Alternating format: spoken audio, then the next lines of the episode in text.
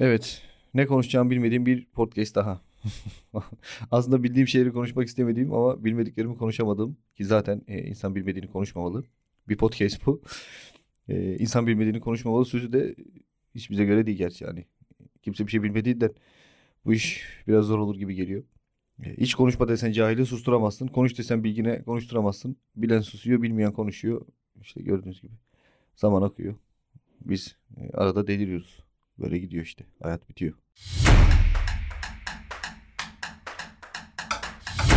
İşimde hep saçma bir umut var ya. Böyle nedensiz bir umut. Böyle fabrika iş, işçisiyken de böyle her şey güzel olacak.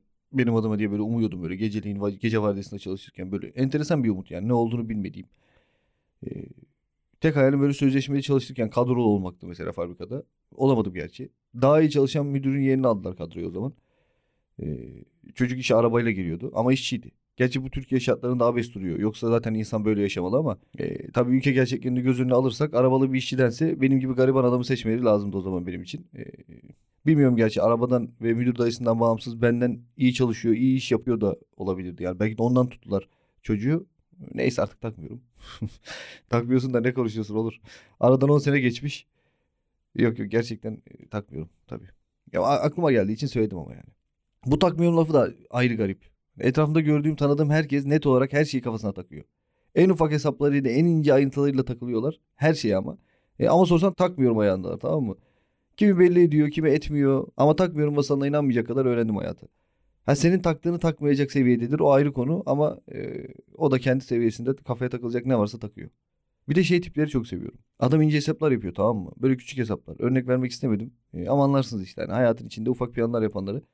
Şimdi herkes görüyor ama bazen dayanamayıp ben söylüyorum. Sen bunları mı düşünüyorsun oluyor. Gerçi inşallah herkes görüyordur. Ulan sen bunları planlayıp tasarlayıp utanmadan uyguluyorsun da ben seni yakaladığım için mi bunları düşünüyorsun oluyorum. Tiksindim ya hayatta. Genelinden değil tabii ama bayağı bir kısmından tiksindim. Hırsızı iş üstünde yakalıyorum. Adam bana şu da hırsız. Bunlara takılma diyor. Utanma yok, yüzleşme yok. Ya saldırganlık bile yok. Garip bir tavır. Böyle tamamıyla kendini bilmeme var. Tam olarak kendini bilmemek yani. Geçen genç bir arkadaşla denk geldim tamam mı sosyal medyada. Komedi videoları falan çekiyor çok beğendim. İletişime geçtim. Tanıştım. Saf dümdüz destek olmak istedim. Kendim de çok çektiğim için bu sektörde e, birilerine destek olmak istiyorum hep. E, çünkü hani az da olsa iyi insanlara denk geldim bazen. E, bazen de olsa destek gördüm. Ve o desteklerin ne kadar insana umut ve güç verdiğini biliyorum. Bu duygularla çocukla görüştüm. Kendi isteğimle görüştüm hem de. Birkaç yol önerdim. Ve dedim ki benim maddi beklentim yok senden. Ne gerekiyorsa sana yardım edecek çevremde. Az da olsa bilgim de var.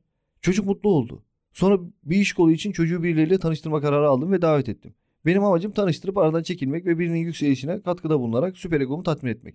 Yani kısacası safilik dediğimiz kavram. Neyse. Çocuk menajerin falan dediği biriyle gelmiş görüşmeye. Biz toplantı yaptık. Sektördeki başka firmalarla ilgili işte böyle konuştuk. Ben tabii eşek olduğumdan kendi tecrübelerimle çocuğa ve yanındakine gerçekleri söyledim. İşte kendi gerçeklerimi tabii. Hani orası böyle, burası şöyle vesaire derken e, başında tanıdığım bir arkadaşım olan bir kurum için böyle şakayla karışık birkaç olumsuz gerçekten bahsettim. Samimi olacak ya sikik onur. Neyse bunlar toplantıdan çıktı. Ee, hemen birkaç gün sonra beni o kurumdaki arkadaşım aradı. Abi dedi sana kırgınım bizim için böyle böyle demişsin. Ulan işe bak.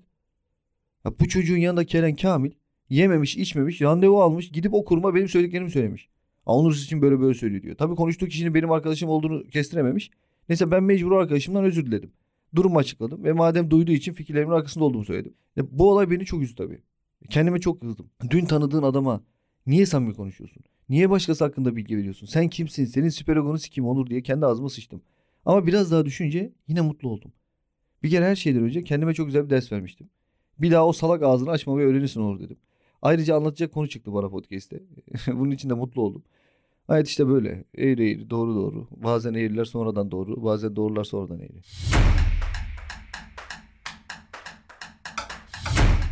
Ya mutlulukla ilgili mesela sürekli böyle bir dert var yani. İnsan hep böyle bir beklenti içinde normal olarak e, hedeflerle, hayallerle yaşıyor. Bir mutsuzluk. Yani Benim benim son böyle belki bir iki senedir e, birçok komedyen gibi bir pandemiden etkilenen e, beklediğim işler vesaire böyle çok sıkıntılı, mutsuz.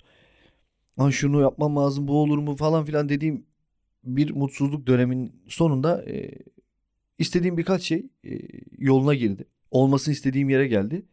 Sonra şeyi fark ettim. E, gene mutsuzum.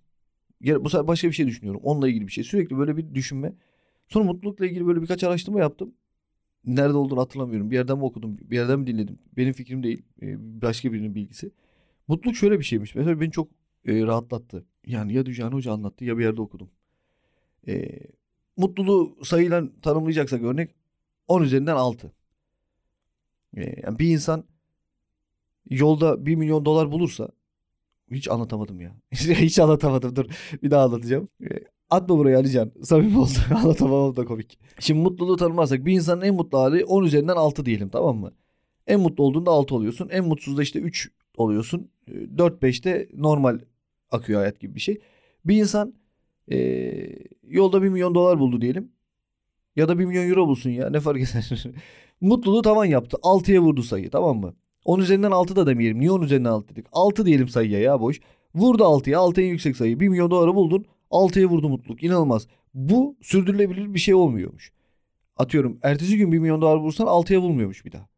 Ertesi gün belki 4 milyon dolar bulursan, belki 10 milyon dolar bulursan 6'ya vuruyor. Hatta bir noktadan sonra artık parayla da işin kalmayınca 6'ya vurmuyor. Ve zaten sürdürülebilir bir şey olmadığı için mutluluk tavan yaptıktan sonra tekrar normal 4'lere 5'lere düşüyor.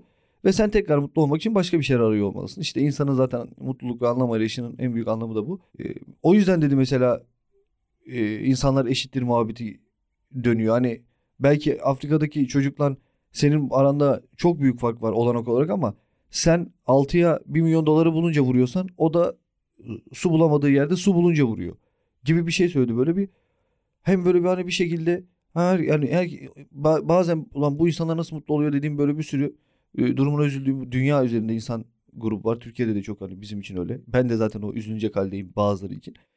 Burada bile bir kafam rahatladı yani. Hakikaten dedim böyle bir şey yani mutluluğun peşine koşmaktansa e, sürdürülebilir bir şeye döndürmek daha iyi. Mutluluğun sürekli kalıcı bir şey olduğunu bilince e, bir şekilde daha sürdürülebilir oluyor. Çünkü artık şunu biliyorum ki şu an mutlu olmam için istediğim şey neyse o olunca biliyorum ki bu da 6'ya vurduracak ve hadi en fazla 5 gün 6 gün sürsün. En iyisi. Sonra normalleşecek. E, o yüzden böyle çok istediğim olmuyor diye mutsuz olmaktansa böyle tam ortada tutmaya çalışıyorum kendimi. Bu iyi geldi bana. Yine akıp giden podcast'imin sonuna geldim. Ee, bu bölüm en kısa bölüm oldu sanırım. Ama herhangi bir dakika sınırı olacak diye böyle yemin ettiğimi de hatırlamıyorum. Kaldı ki yemin de etsem fark etmez. Ne diyor Barış Manço? Dünya dönüyor dostlar. Bir sözden dönsem çok mu? Devran dönüyor dostlar. Ben dönmüşüm çok mu? Neyse uzatacağım diye konuşmak istemiyorum. Sevgiler. Galiba Onur Gökçek.